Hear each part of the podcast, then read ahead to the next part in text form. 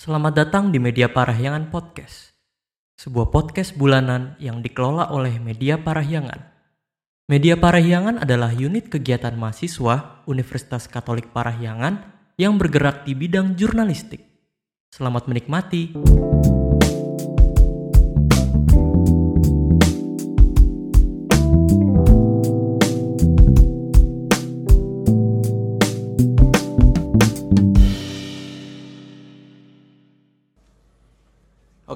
Balik lagi di Media Parayan Podcast. Kali ini kita kedatangan tamu, ini alumni juga nih dari Unpar.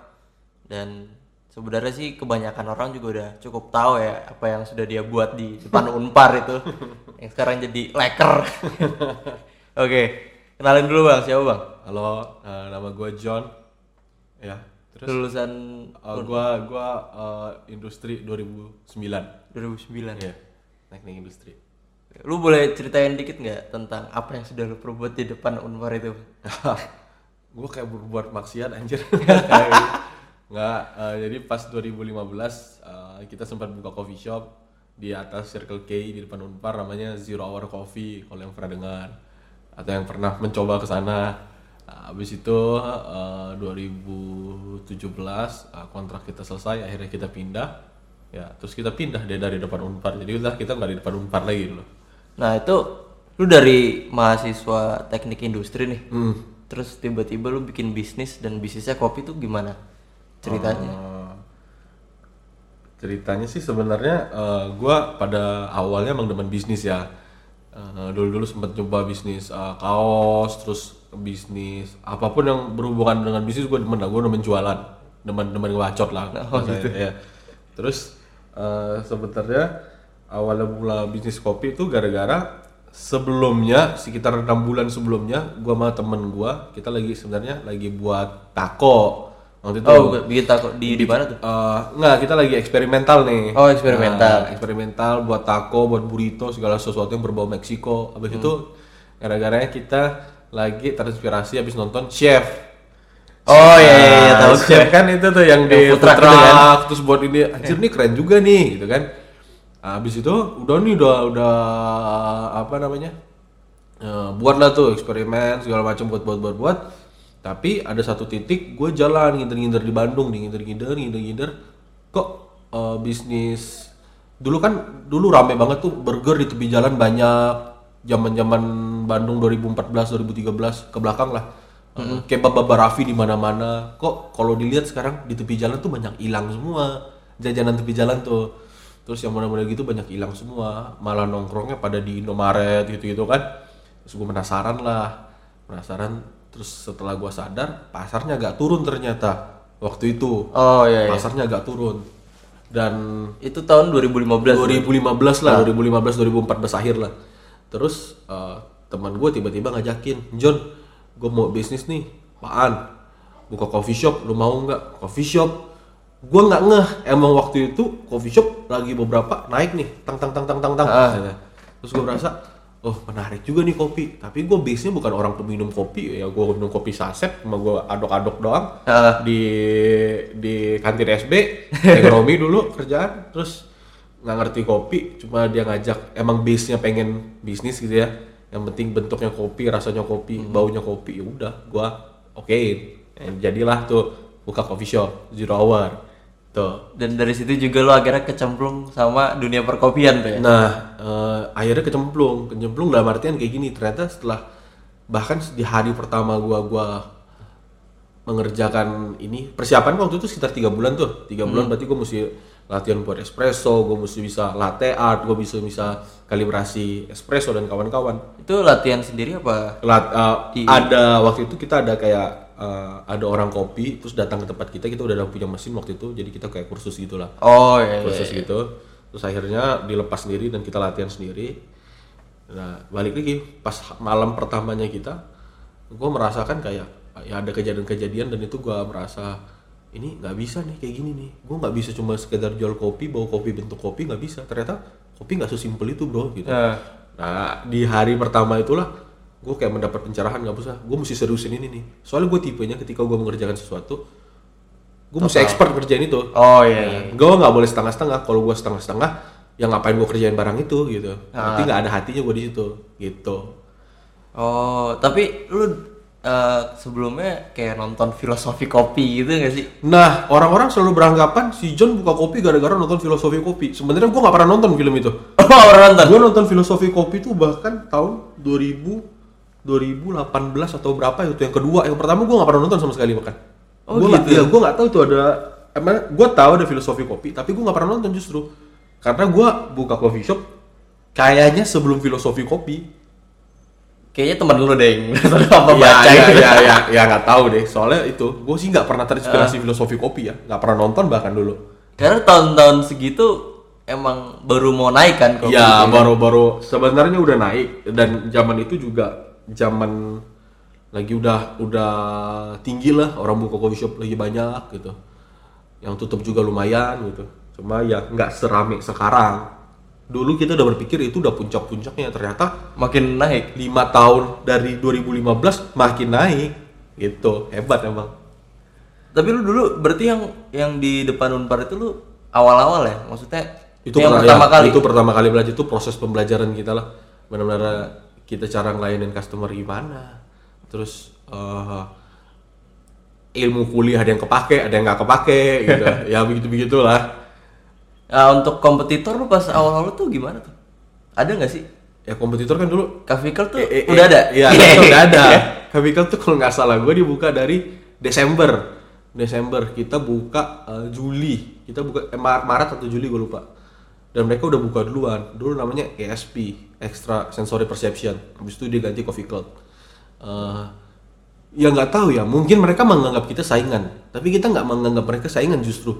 Soalnya kenapa? Eh, di kalau di bisnis tuh ketika ada satu tempat eh, isinya tukang listrik semua. Secara nggak langsung tempat itu jadi area orang pergi mencari barang-barang elektronik, ya Iya, kan? betul. Kalau misalnya ada satu tempat isinya jualan nasi goreng semua, ya orang-orang bakal oh yuk kita ke daerah A yuk, soalnya di situ banyak nasi goreng banyak pilihan kan gitu. Ah. Jadi secara nggak langsung daerah itu juga naik sendiri. Oh, kayak Taisan Senayan Iya, gitu. Tai- Taisan Senayan atau misalnya kita mau nongkrong ke mana nih, mau mau ngopi ke mana? Ke Riau yuk. Nanti nggak?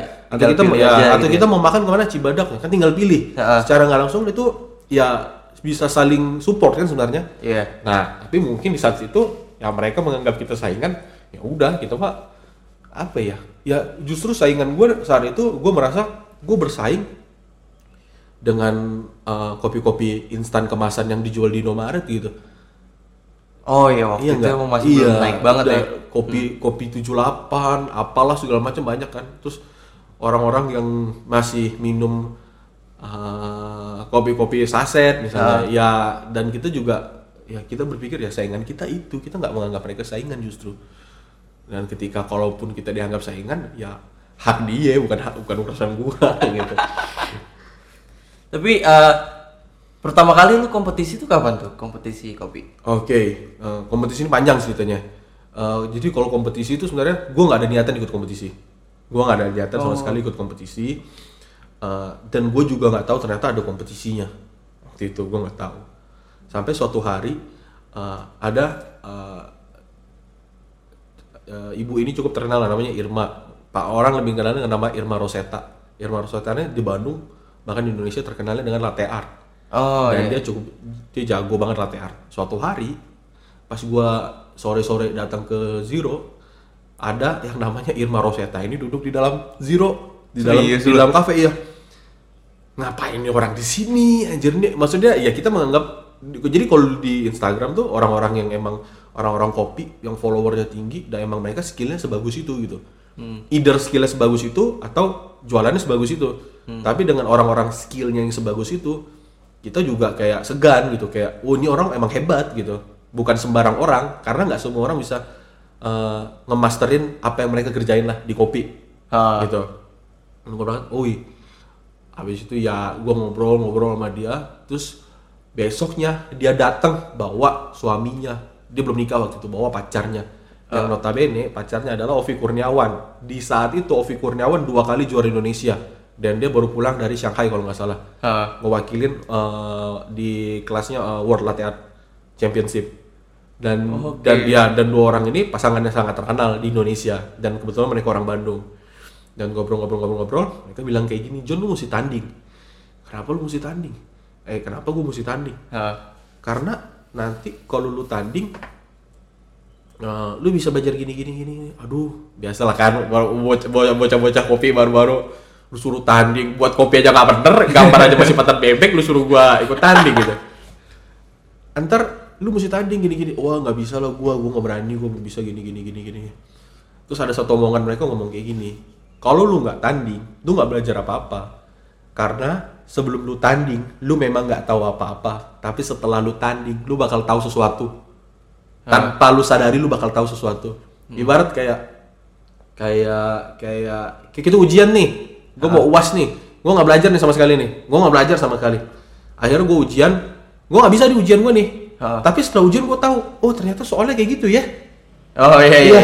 Oh ternyata, oh ternyata soalnya kayak gini. Terus akhirnya gara-gara gue penasaran sama soalnya, kok gue nggak bisa ngerjain tadi. Akhirnya gue pulang, gue buka buku, gue cari tahu anjir lah ternyata kayak gini doang gitu. Iya kan? Ah. Ya, secara nggak langsung kayak gitu. eh, buat gue tuh tanding tuh ujiannya lu gitu. Ah. Ya jadi lu eh, lu mengaplikasikan skill lu ya ke tanding lu.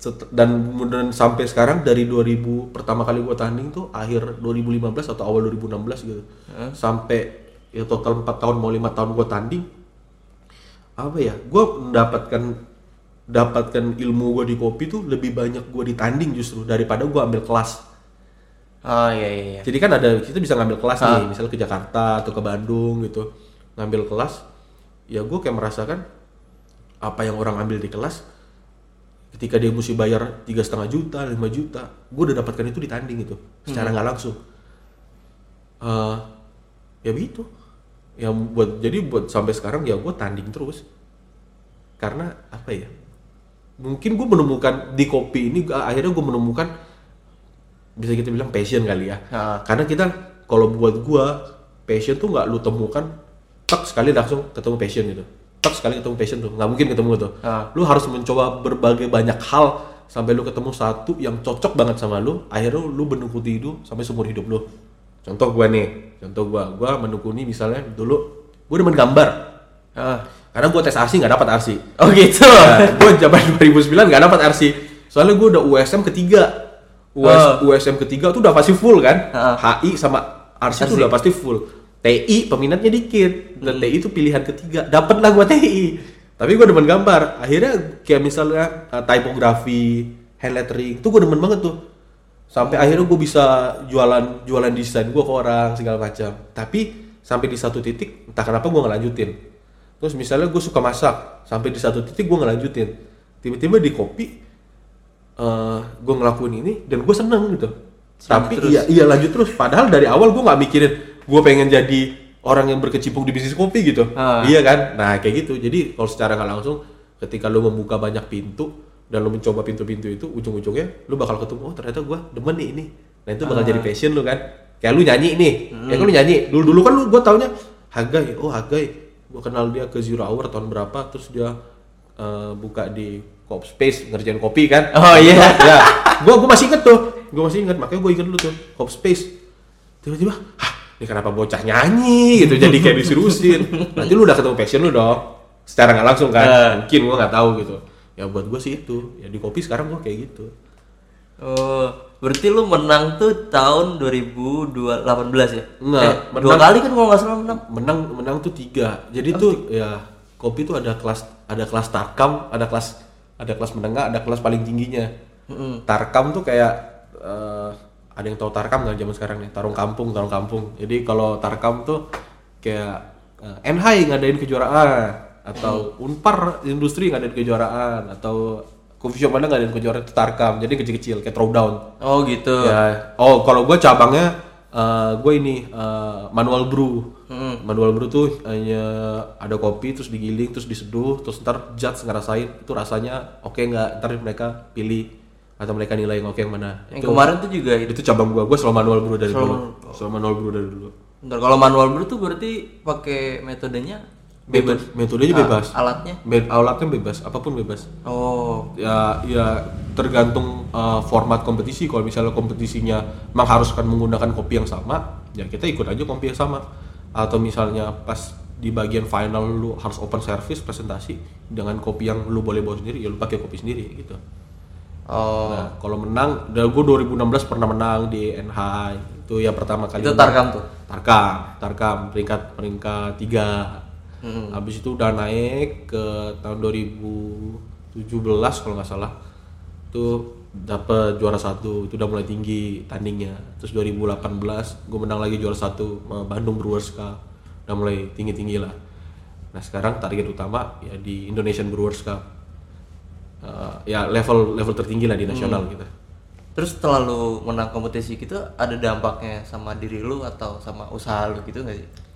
Kalau dampak sama diri gue ada ya secara nggak langsung standar gue jadi naik. Gue harus menaikkan standar gue gue nggak bisa lagi serve kopi sembarangan. Gue nggak bisa lagi orang datang kayak karena gitu ya, nama kita orang udah tahu. Ket- ya itu dampak dari sisi pribadi sama dampak dari usaha. Orang tiba-tiba kenal lu di mana pun orang kenal lu tiba-tiba. Di di dalam terms kopi ya. Hmm. oh si John oh si John yang juara BBRC terus tiba-tiba datang ke kedai. Oh lu itu tahu dari mana? Oh ya kita tahu bang John juara BBRC gini gini gini. Ya ada dampaknya ternyata. Dan emang sewah itu. Buat gue ya lumayan. Jadi bisa cuan-cuan klub gua. Lumayan. Gitu. Tapi eh, lu dulu pas kuliah sempet basket bukan? iya gue basket. Gue basket banget malah. Sempet masuk klub apa sih? Aligator, aligator. aligator ya aligator. Itu kenapa lu gak serius di basket? lu? ah nggak bisa bro jadi kalau kalau ngomongin basket nih ini baliknya tariknya jauh banget ke belakang Oke. tarik itu sebenarnya dari zaman SMA. Kalau basket gue udah basket dari zaman SMA. Uh, ada satu titik di kelas pas ke gua kelas 2 SMA, gue diharuskan sama ada satu pelatih, John gue bakal kasih lu beasiswa full segala macam gratis, lu pindah ke sekolah gua dan sekolah itu kita bisa bilang sekolah paling top di Pontianak waktu itu. Ah. Sekolah paling top di Pontianak. Tapi kerjaan gua bakal main basket terus Hmm. sebenarnya nggak ada masalah. Kenapa? Karena sekolah itu eh, standarnya bagus, terus pendidikannya juga oke, basketnya juga oke. Eh, yang salah adalah mindset orang tua gue waktu itu. Orang tua gue berpikir kalau John pindah ke sekolah itu dia bakal main basket terus, terus dia nggak belajar, terus dia bergaul sama anak-anak nakal. Gue nggak tahu anak- anak-anak nakal sampai eh, intinya gue nggak bisa pindah aja ke sekolah itu. Kalau gue pindah ke sekolah itu, mungkin gue nggak diunpar kelar SMA tuh, gue di UPH mungkin udah main basket gue, udah jadi atlet mungkin. Nah, tapi berhubung itu, eh ya gue main di Unpar, ya kita tim aligator dulu aktif banget lah. Orang justru mungkin di Unpar ketaunya John tuh basket gitu, bukan taunya John tuh John- kopi gitu. oh, bukan tahu John Bukan Zero Hour. bukan tahu John Zero Hour, taunya John basket aligator gitu dulu. Ya nggak bisa. Kita kita berasal dari universitas eh, yang mengharuskan kita mengejar nilai akademi lebih daripada apa yang lu senangi gitu, ngerti nggak? Oh iya Ya, ngerti sih jadi jadi jadi ya ya keluar dari Unpar juga bahkan nggak ada sih anak-anak Unpar jadi atlet main basket. Ujung-ujungnya juga semua pada kerja sih. Karena mungkin mindset kita beda mindset kita kita masuk kita masuk Unpar main basket kita tuh kuliah biar bisa main basket Oh iya iya. kalau atlet main basket biar bisa kuliah. Nah, Iya. kebalik kan Nah. gitu. Jadi kita main basket tuh buat buat have fun semasa kita di kuliah. Jadi kelar kuliah nggak ada sih anak unpar jadi atlet. sama sekali tuh dari tim lain dulu. Seingat gue nggak ada jadi atlet. Semuanya sampai sekarang pasti pada main basket. Cuma sampai jadi atlet nggak ada. Karena ujung-ujungnya kita tahu di Indonesia eh, menjadi atlet itu susah. Ah. Lo tahu sendiri jadi atlet itu susah. Jadi kalau ya kita ngomongin basket ya, kalau memang skill lu sebagus itu dan lu meningkat terus apa yang lu kerjakan, banyak kok anak-anak basket yang gaji sebulannya eh pokoknya gajinya udah gede banget udah bisa beli rumah udah bisa nikah punya usaha segala macam gitu. Ya kalau basket yang dulu emang susah lah mungkin. Ini tergantung tim sih sebenarnya. Ada tim-tim kecil yang lu paling digaji sebulan tuh cuma 2 juta 3 juta. Profesional ya. Ini setahu gue ya profesional gitu. Dan lu susah lah nggak nggak nggak seenak itu lah tapi di tim-tim gede yang kayak misalnya kita sebut Satria Muda kah Aspak kah itu gajinya lumayan dan dan mereka bisa hidup dari basket. Cuma karena dari awal mindset kita udah beda karena kita udah kuliah mindset kita beda kita dibentuk pola pikirnya beda. Ya memang olahraga sebatas lu have fun gitu. Lu nggak bakal bisa bertahan sampai kapan pun karena kita tinggal di Indonesia. Oh iya iya. kita bukan di US kalau di US jadi atlet lu kaya banget di Indonesia susah lah. Ini kenapa kita jadi ngomongin basket ya? Berarti lu dulu sebenarnya ada kepikiran buat jadi atlet bas basket tuh? Zaman dulu mah ada, gue pengen jadi pemain basket. Zaman dulu dari gua kecil ya, karena gua main basket tuh gila-gilaan gitu. Balik lagi kayak ang- awal gue bilang, gue mengerjakan sesuatu, gue pengen master di situ gitu. Gue nggak pengen ketika gue suka, gue pengen master di situ kan, gue nggak mau sembarangan. Oh itu dari lu kecil tuh kayak gitu tuh? Dari SD gue main basket, dari SD dan ya begitulah. Cuma ya jalan Tuhan siapa yang tahu kan. Iya Bahkan sih. dulu harusnya harusnya banget gue akpol. Jadi kenapa gue bisa kuliah? Ini lucu nih, ini lucu. Kelar gue SMA, gue mau masuk akpol itu regulasinya mengatakan bahwa mau masuk akpol harus S1 dulu.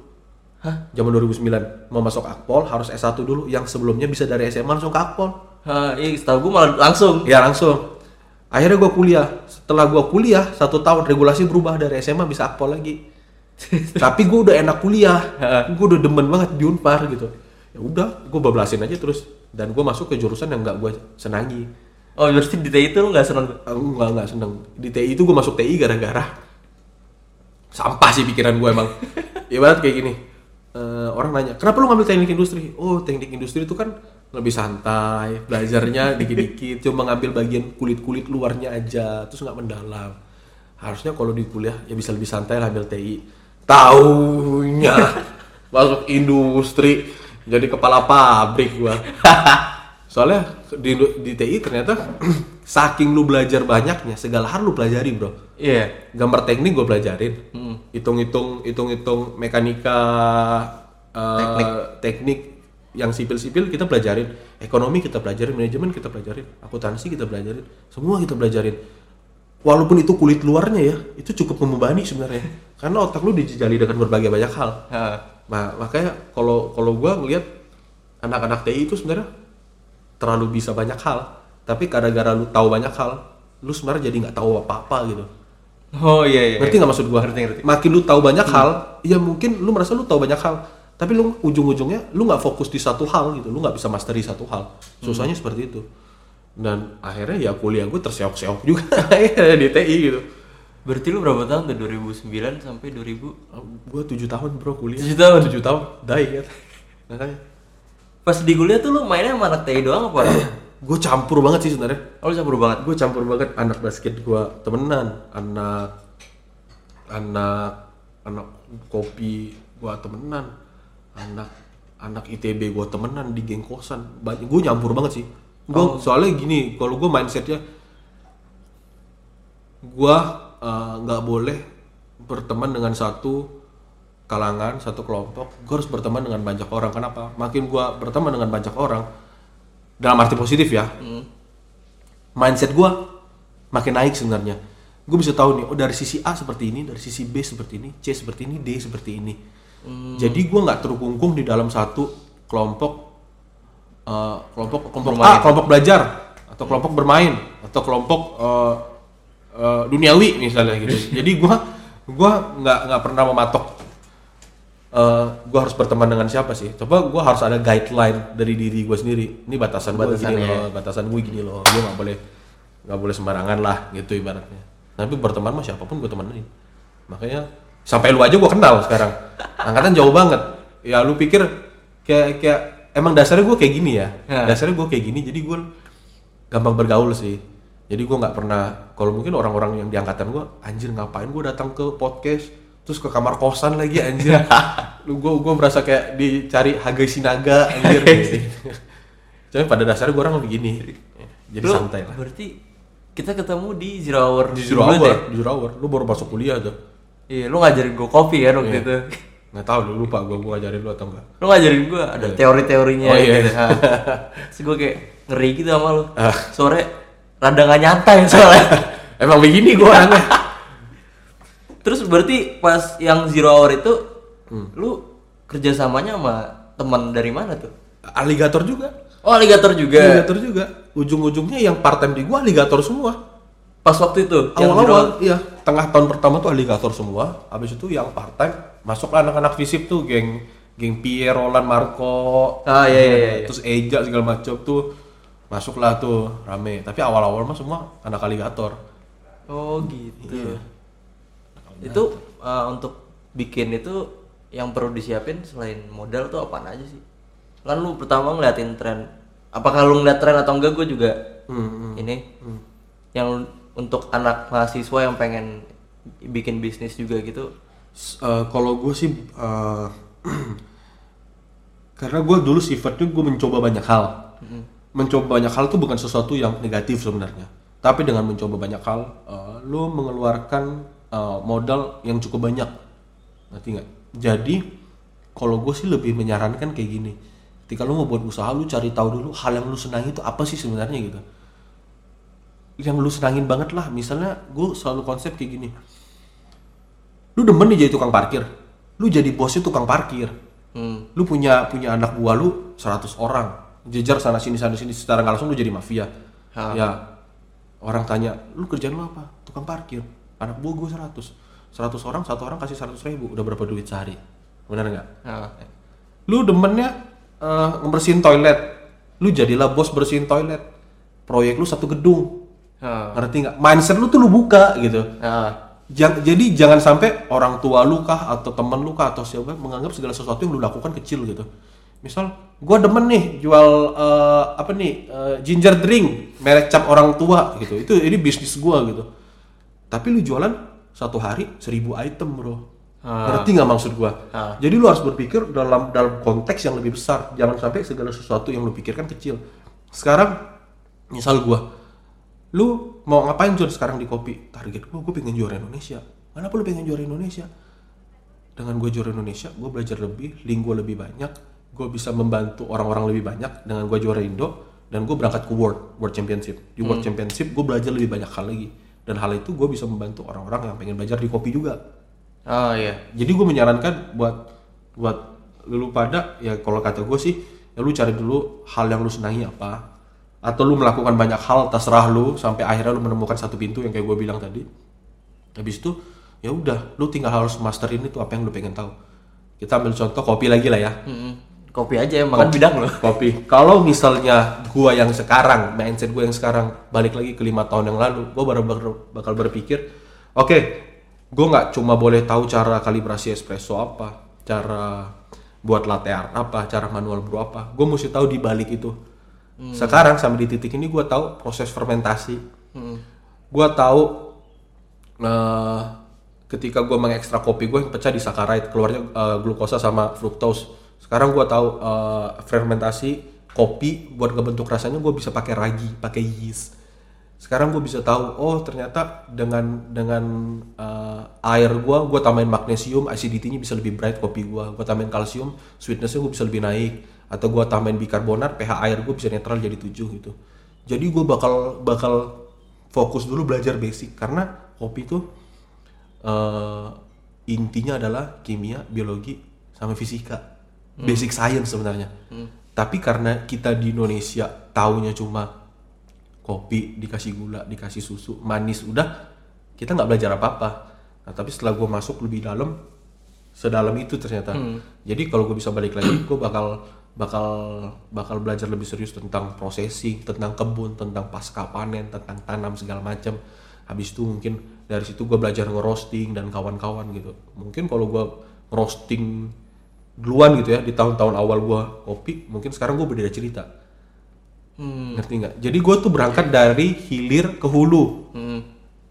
yang sekarang gue udah di hulu akhirnya gue merasa oh harusnya gue eh, balik dari hulu dulu ya dulu gitu. Tapi ada orang ini proses belajar sih.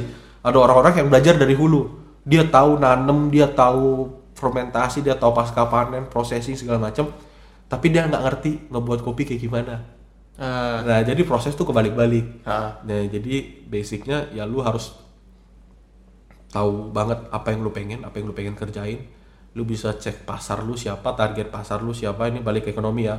Target pasar lu siapa. Ketika lu tahu banget apa yang lu pengen dengan usaha lu itu, misalnya gue pengen kopi dan gue pengen eh, cuannya gede banget, gue punya eh, 100 cabang kayak normal misalnya. Lu mesti tahu untuk mengejar 100 cabang apa yang harus lu lakuin. Sumber daya lu apa? eh, target pasar lu siapa, cara lu berkomunikasi dengan pasar lu gimana, intinya cara lu jualan dengan pasar lu gimana gitu, Ah. kayak gitu.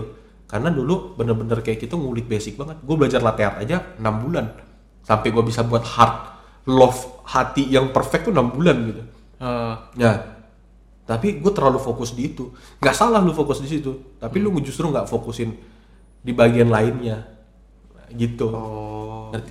Nangkep gak maksud gua. Ngerti, ya ngerti. lu, lu harus uh, ya kalau lu suka sesuatu dari A sampai Z lu harus masterin itu semua lah. Jadi ujung-ujungnya itu bakal berguna buat lu. Karena ngerjain usaha kan nggak cuma buat kopi doang lu customer service lu mesti tahu Iya. ngitung duit akuntansi lu mesti tahu terus bla bla bla relationship sama orang lu mesti tahu macam-macam lah gitu sih kalau kata gua Terus kalau pandangan lu sama yang apa maraknya kedai kopi sekarang Mm-mm. dan maraknya tutupnya kedai kopi juga sekarang Hmm. yang mereka bikin kedai kopi cuma dengan lagi tren aja gitu. Iya.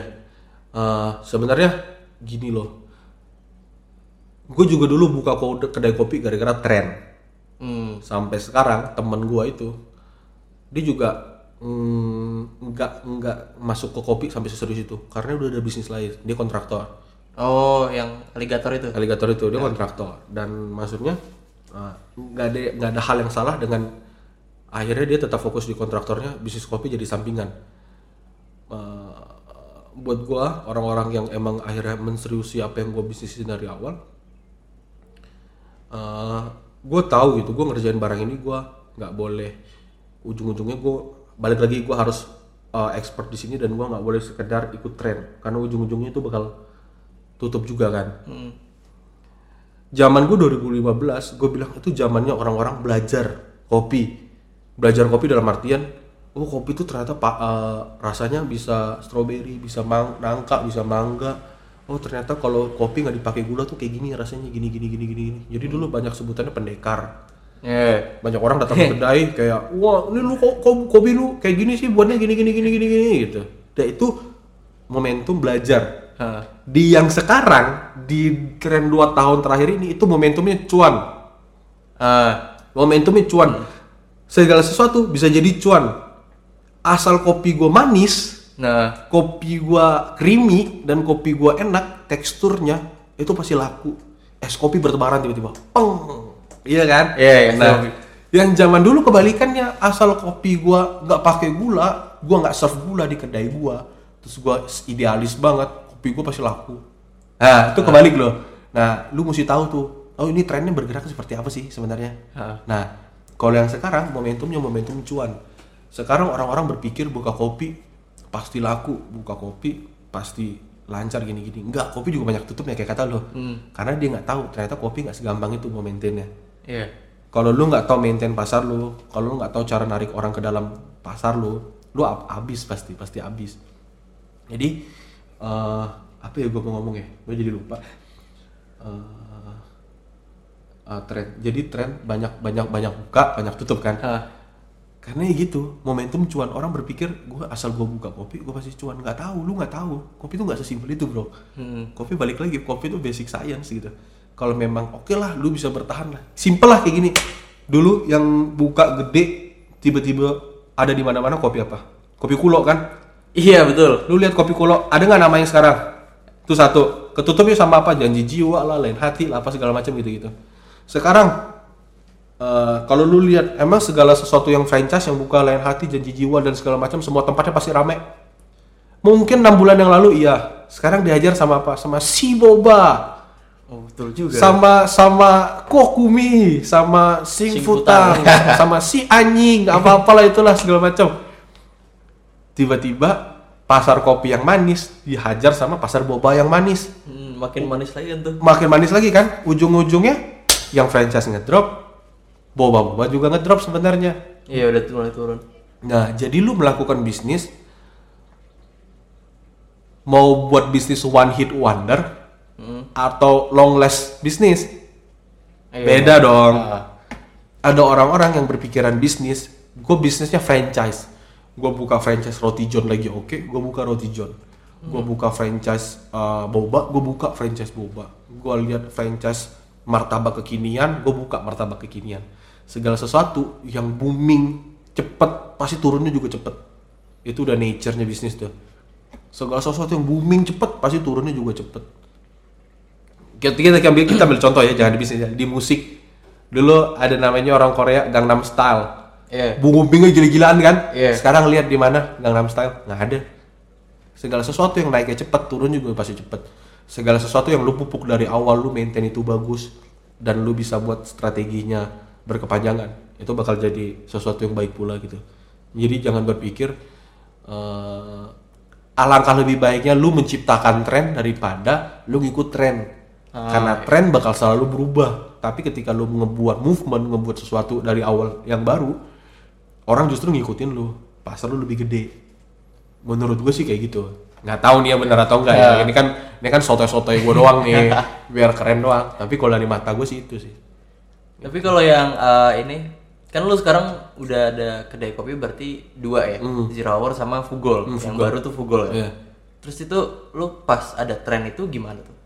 Tren es kopi susu dan habis itu berubah. Eh, ya contoh es kopi susu aja ya kita kedai kopi idealis mau nggak mau akhirnya jualan es kopi susu Hah. yang awalnya kita idealis banget lu nggak boleh minum pakai eh, kopi pakai gula apaan sih lu minum pakai gula lu nggak menghargai kopi gini gini gini ujung-ujungnya semua orang ikut tren Iya. bener kan? Semua orang jual es kopi susu dan kita juga jual es kopi susu. Ada satu titik di mana lu harus ikut pasar lu. Gue ngomong kayak gitu ya lu harus ikut pasar lu. Kenapa es kopi susu bisa merajalela tiba-tiba? Karena gengnya kopi tuku tahu. Sampai satu titik orang bakal jenuh yang namanya kopi specialty. Yang minum nggak boleh pakai gula yang minum mahal gini gini gini gini. Udah aja kita jual yang satu satu gelas cuma dua puluh ribu delapan ribu tiba-tiba boom satu Indonesia ngikutin yang namanya es kopi tuku dan es kopi segala macam ada. Itu Iya. awalnya dari es kopi tuku Jakarta. Ya kan? Kita yang specialty mau nggak mau kita juga harus ikut pasar itu. Kalau nggak kita nggak dapat cuan. Gue nggak bisa bohong. Jualan gue paling gede di Fugol sekarang. Heeh. ngomong-ngomong gue ada cabang namanya Fugol. Fugol itu singkatan future goals cita-cita. Itu cita-cita. Ah, jadi yang paling gede tetap es kopi susu Oh iya. mau kata gue juara kopi manual brew juga jualan gue paling gede es kopi susu. Itu balik lagi makanya lu harus tahu pasar lu seperti apa. Ya, lu harus ikut pasar lu nggak bisa. Di satu sisi gue tetap memaintain idealisme gue di satu sisi gue harus tahu pasar gue pengennya apa. Hmm. Di zaman yang sekarang dengan dengan coffee shop yang sebanyak ini gue udah nggak bisa memaintain idealisme gue lagi. Idealis idealis standar kopi harus tinggi tapi apa yang pasar mau ya kita harus bisa sediakan. Udah gitu dong lu nggak usah bohong Berarti pas zaman es kopi susu itu lu di Zero Hour itu juga kita bertahan banget sebenarnya nggak mau tuh di zero di Pati Ukur kita nggak mau banget jual es kopi susu. Tapi cewek gua otaknya lancar. Hmm, ayo buka es kopi susu buat es kopi susu buat es kopi susu. Ah enggak lah kata gua. Ayo buka es kopi susu. Lu tahu ada kedai kopi di Bandung namanya Bahagia Kopi? Wah nggak tahu gue. Itu di mana? Bahagia Kopi itu dulu di Saparua. Heeh. di Saparua sekarang udah pindah ke eh eh, apa namanya eh, Jalan Banda. Oh iya iya. dan mereka jual es kopi susunya. Tuh gila-gilaan. Itu cewek gue yang buka sama temen gue. Bahkan itu lebih cuan daripada zero hour daripada fugol asli cuma, cuma jualan es kopi susu doang. Karena menarget pasarnya uh, menengah ke bawah. Anak-anak SMA anak-anak anak-anak uh, SMP gitu-gitu. Yang Sekarang masih buka tuh? masih Masih, lancar jualan es kopi susu. masih lancar. Gojek banyak tuh di depan. Aduh, makanya makanya. Terus pas lu buka menu es kopi susu juga ada perubahan juga nggak tuh? perubahan? Ya jualan jadi jadi meningkat. Udah gue gue nggak bisa bilang. Cuma ya gitu. Di satu sisi bisnis ya lu mesti ikut pasar lu apa kita bukan universitas universitas kayak unpar ya unpar bakal idealis terus mesti gini gini gini gini orang tetapnya kejar dengan harga berapapun unpar sekarang Iya, eh, cuy. ya bukan Mahal ini. gila, ya orang ya gue nggak tahu ya sekarang dulu SKS gue masih 180 200 ribu gitu Dua kali lipat lah sekarang. Anjay. Tetap orang tetap aja kejar. Beda kalau bisnis bisnis susah. Kecuali lu se, premium itu dan nggak ada nggak ada orang lain yang bisa pakai eh, nggak bisa menghasilkan barang itu kecuali lu sendiri. Contoh kayak jam tangan Rolex atau misal mobil eh, Ferrari segala macam harga se- setinggi langit juga orang tetap bakal kejar karena cuma lu yang bisa buat itu gitu. Nah, di bisnis alangkah jauh lebih baiknya ketika lu bisa menghadirkan sesuatu dan hanya lu yang bisa buat itu dan membuat movement, membuat tren dan kualitasnya memang sebagus itu, itu langkah lebih bagus sih. Jadi lebih baik lu jadi di bisnis tuh lu jadi jadi ya jadi pionirnya, jangan jadi yang ngikutinnya karena ujung-ujungnya lu bakal susah sendiri.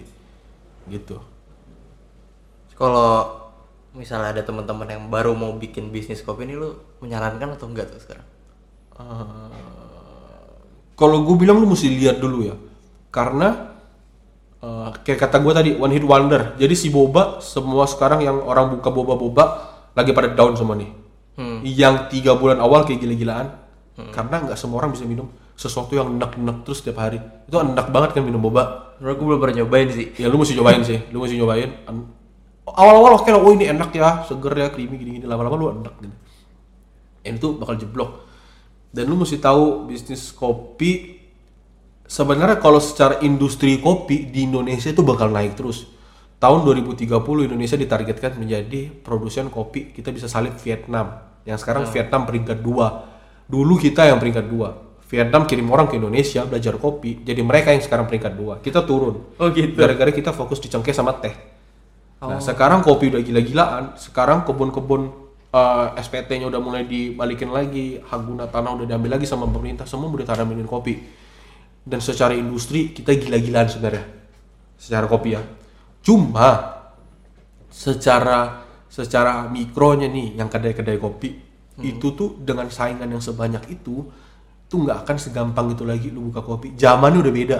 Hmm. zaman udah beda. Zaman sekarang adalah lu punya duit 2M 3M lu buka coffee shop gede banget interior lu bagus kopi lu murah orang rame. Itu yang diterapkan sama abnormal. Iya. tempat gede harga murah. Nongkrong berasa di kafe ada AC duduk bisa berjam-jam. Makanya dia sedia seat gede banget di abnormal. Karena barangnya murah kan Iya. dia cari cuan dari quantity bukan quality.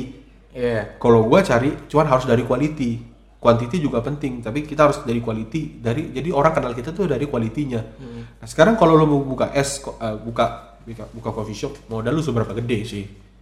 Terus emang seberapa seberapa seberapa ngertinya sih lu sama market ini? Gua nggak bilang lu harus expert di kopi dari awal lu buka kedai kopi ya nggak nggak bisa karena proses belajar tuh selama lu buka itu proses belajar lu gitu nama punya bisnis pasti ada di atas ada di bawah cuma gimana caranya lu punya strategi bisa maintain kalau lu jadi buka coffee shop lu yakin lu enam bulan pertama bertahan lu yakin lu satu tahun pertama bertahan lu yakin tuh udah balik BP lu lu hitung oh BP gue bakal dua tahun lu yakin tuh bakal balik dua tahun Heeh. Iya kan? Nah, nggak segampang itu. Gue nggak, gue nggak melarang lu buka coffee shop, silakan banget. Tapi lu harus belajar dari awal. Dan lu ketika lu buka coffee shop, lu, lu harus seriusin belajar kopinya gitu. Jangan buka sekedar buka tren doang. Karena lu kalau sekedar buka tren doang, gue menyarankan lu pinjam ke bank 3 m, buka tempat segede mungkin, seenak mungkin, senyaman mungkin. Apalagi lu pada anak arsi, misalnya ya, Nah, itu pasti rame. Tapi modal lu gede, gitu. Tapi kalau lu dengan modal lu yang terbatas, ya lu pikir-pikir dulu lah gitu buka kopi nggak segampang itu. Gua nggak menyalahkan lu buka kopi ya. Iya. silakan buka usaha yang lu pengen gitu. Tapi lu harus tahu strategi yang lu lakukan apa. Lu tahu nggak gitu. Jangan sampai ketika lu buka justru lu tutup. Zero kan sempat buka di Abdurrahman Saleh dulu. Itu gua nggak tahu tuh. di Abdurrahman Saleh di Jalan Pajajaran lurusan situ. Ke arah ke arah bandara Tutup gara-gara. tutup. Gara-gara kita buka itu di lantai duanya bakso bujangan bakso bujangan waktu itu sehat itu Ah. dan kita berpikir dengan orang makan bakso bujangan dan kita ada di situ orang pasti ngelihat kita tahu-taunya bakso bujangan yang drop anjir bakso bujangan yang tutup kan kurang ajar ya dan bakso bujangan lu lihat sekarang di mana-mana jeblok kan Heeh. ya itu gara-gara mungkin pertumbuhan industri pertumbuhan franchise-nya terlalu cepet orang yang makan bakso juga nggak setiap hari Ah. bukan bukan kebutuhan pokok lah yang gue mesti makan Bakso terus. bakso terus setiap hari gitu. Nah ya lu mesti tahu sih. Dan ketika kita tutup ya kita jadi belajar. Terus kalau misalnya lu disuruh balik ke lima tahun yang lalu pas lu mau buka kedai kopi itu, apa yang mau lu perbaikin? Lu ngomong sama diri lu sendiri deh gitu misalnya, yang lima tahun yang lalu, lu harusnya gini dulu atau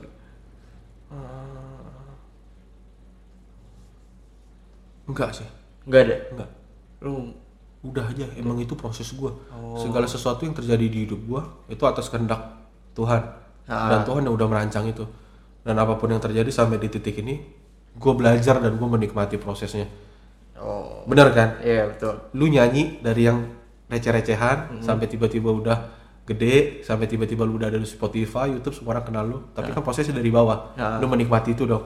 Menikmati. Kar- ya karena kalau lu nggak mulai itu dari nol, lu nggak bakal tahu ternyata oh ternyata seperti ini ini ini ini, ini. mindset lu nggak bakal kebentuk kan. Hmm. Ha. Jadi gua nggak akan menyalahkan diri gua yang dulu. Lu harusnya kayak gini gini gini gini. Kecuali kuliah ya. Kecuali- kuliah gitu. Kalau gua bisa balik lagi ke 2008 gitu ya. Industri out. bye bye teknik industri.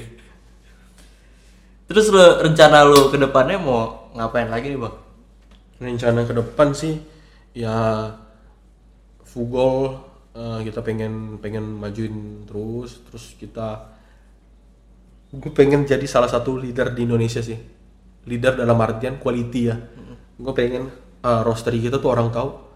Future Goals, Fugol, oh anjir itu emang kopinya seenak itu kayak kayak di Indonesia sekarang lu nyebut brand-brand terkenal tuh Coffee Smith misalnya atau lu nyebut Smoking Barrel atau KLTR kita pengen di Indonesia kita menjadi salah satu yang seperti itu. Dan kita nggak tahu bakal bisa kapan tapi gue pengen.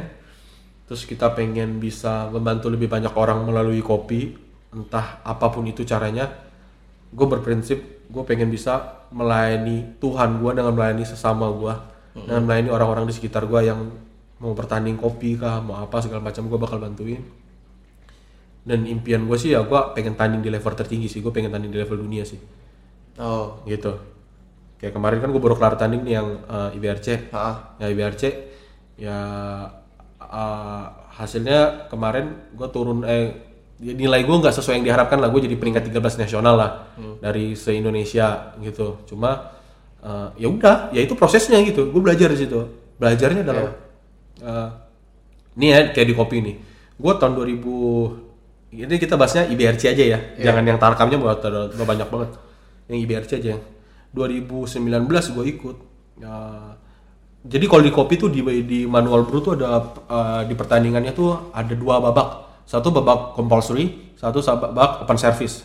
Nah di compulsory lu dikasih kopi yang sama air yang sama grinder yang sama. Intinya semua orang bakal dapat hal yang sama. Ca- gimana caranya mereka ngulik kopi yang mereka nggak tahu itu rasanya jadi enak banget. Hmm. sama babak open service lu harus bisa mempresentasikan kopi lu dan lu harus bisa nyeduh ketiga judge yang ada di depan lu jadi gue bisa presentasi uh, hi how are you today? My name is John. Today I'm gonna serve you an amazing coffee coming from Panama with a variety of geisha and blah blah blah blah blah. And the taste uh, when it's hot is gonna be mango uh, uh, pineapple banana and when it cools down gini gini gini nih uh, please enjoy gitu gitulah intinya. Di babak pertama compulsory gua jadi di babak pertama compulsory itu ada dikasih waktu 7 menit. Ah, dan gua overtime oh, overtime. Habis itu besoknya gua uh, open service lancar. Dan cost gua overtime uh, lucunya gini gua overtime di timer gua 3 detik. Tapi dihitung sama mereka 14 detik. Gua dikurangin 7 poin. Oh, jadi yang seharusnya tahun lalu gue tuh bisa masuk final, gue peringkat 6 Dan yang final itu kan 6, Ha. peringkat 6 1 sampai 6, terus gue nggak masuk final, gue jeblok sampai peringkat 15 Di tahun ini evaluasinya adalah gue nggak boleh overtime, simple dong. Ah, Karena belajar ta- tahun lalu kayak gitu kan. Iya, Akhirnya compulsory gue nggak overtime, tapi gue bermasalah di hari open service gue Kopi gue off di hari H. Oh yang gue baca di Instagram Ya, Google ya? ya kenapa kopi gua off? Gara-gara kopi gua gua keluar masuk freezer keluar masuk freezer. Dan ternyata di hari H down. Dan akhirnya tahun ini gue belajar kopi jangan pernah lagi lu masukin freezer gitu. Iya kan? Ya belajar di situ. Ya udah tahun depan eh, dengan guideline yang baru dengan standar kita yang oke ya kita harus naik peringkat lagi gitu. Dan target kita sih kita tetap pengen juara ya. Ah. gitu gitu doang sampai kapan pun. Intinya Jadi emang tiap tahun pengen terus bakal bakal kompetisi. ba- ya bakal kompetisi terus. Karena kompetisi itu salah satu motornya gue karena pada dasarnya gue suka tanding. Gue Oh, main iya. basket gue demen tanding kan. Gue gue demen kompetisi gitu. Oh. karena ketika lu berkompetisi sebenarnya ada suatu sesuatu hal yang memacu diri lu buat lu berada di situ terus gitu ngerti nggak maksud gue ngerti, ngerti. ya udah itu doang sih Oh. Oke deh. Eh, lo ada yang mau lu promosiin nggak di sini nih? Cie. Iya. Ada kayak banyak aja yang denger. emang yang denger berapa orang sih biasa Masih ya sekit- sekitaran anak kampus lah. Oh, ya oke lah.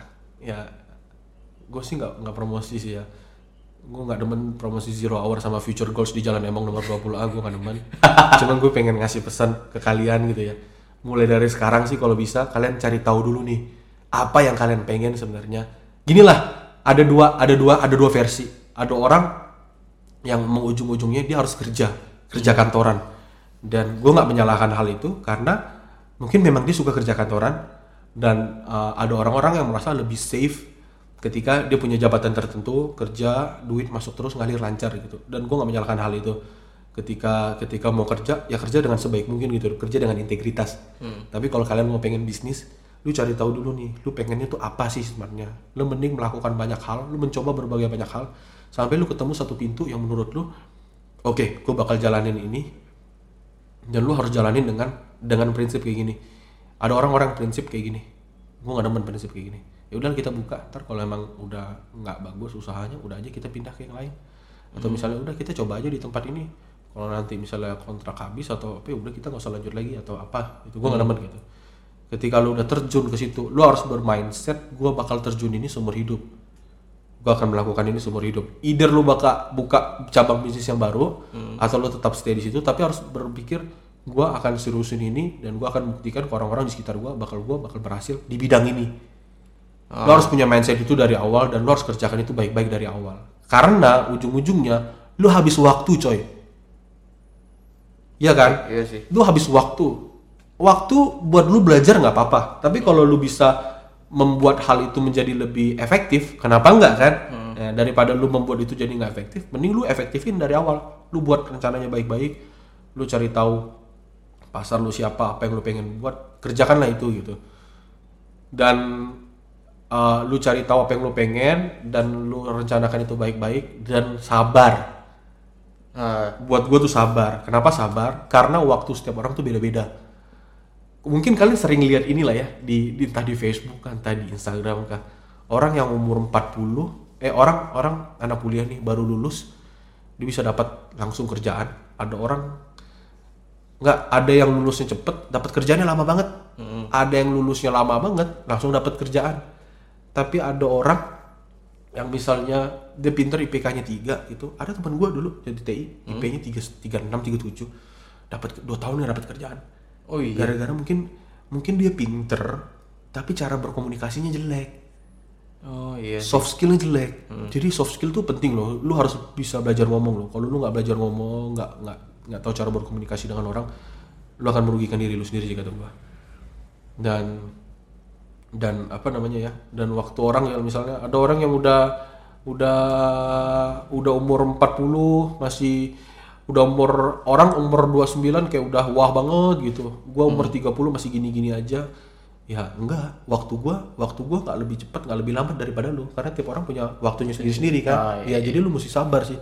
Karena Tuhan ngasih ngerjain maksudnya apa ya? Menempatkan lu di proses itu pasti ada sesuatu gitu. Ah, Tapi lu mesti maintain goal lu, goal lu apa? Lu mesti fokus ke goal lu. Kalau goal lu sendiri nggak ada, nggak fokus, lu nggak bakal dapet itu. oke. Nangkep nggak maksud gua? Gua.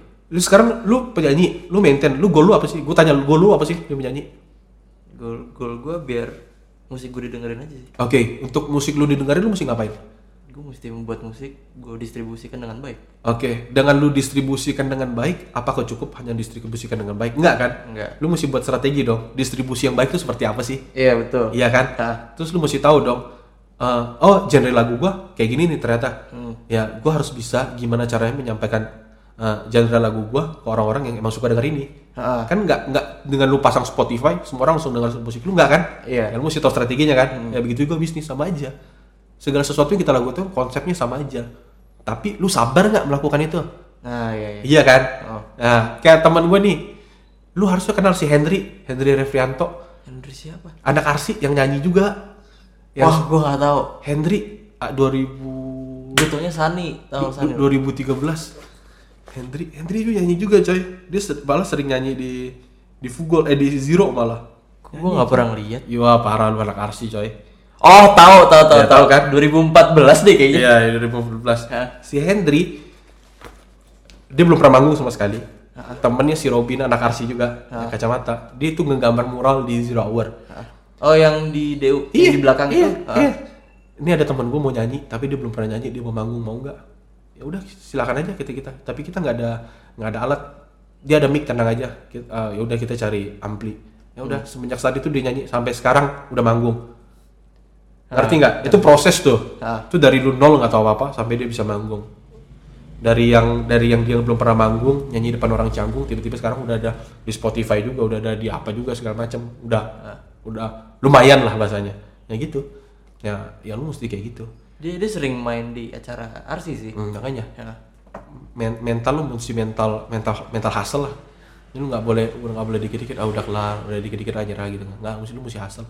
Dalam apa pun yang lu lakukan lu mesti oh bahasa Kobe Bryant tuh mamba mentality anjay. Mamba mentality mamba out bro. Apa pun yang lu lakukan lu mesti fokus goal lu apa terus lu mesti susun rencana lu sebaik mungkin bila perlu lu bayangkan goal lu setiap pagi sebelum lu berangkat ke mana setiap malam sebelum lu tidur lu lu bayangkan lu visualisasikan dan lu kejar goal lu bahasanya law of attraction tahu Nggak tahu. law of attraction hukum hukum alam semesta Oke. Oke, Ya. ketika ketika lu pengen banget sesuatu, lu harus membayangkan itu. Tapi nggak cuma membayangkan, lu nggak bisa ngapa-ngapain kan? Ya lu harus susun target yang jelas. Lu mau ngapain, rencana lu ngapain. Hari ini mau ngapain, apa ngapain. Ya gitu sih. Udah gitu doang. Kalau gue bisa balik ke zaman pertama kali, mungkin zaman gue SMA ya.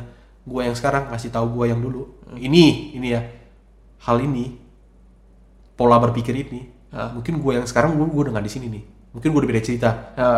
Tapi balik lagi, inilah proses hidup. Ya. Tuhan menempatkan gua di sini. Gua ada di ruangan ini ngomong sama lu. Nggak kebetulan nih. Ya. Nggak mungkin kita ketemu waktu itu cuma kebetulan. Nggak mungkin gua masih ngobrol sama lu kebetulan. Dan nggak mungkin gua ada di sini gua kebetulan. Karena mungkin gua ada di sini tugas Tuhan buat ngasih tahu orang-orang yang dengerin ini yang dari tadi gua omongin. Iya, iya. Ngerti nggak maksud gua? Ya, itu makanya. Keren ya gue ya. Boleh lah. Iya, boleh lah. Gua campur-campur filosofi dikit lah. ya udah Bang, thank you banget ya. Udah, thank you ya. Makasih semua udah dengar. Terima kasih semua. Kembali lagi nanti di episode selanjutnya.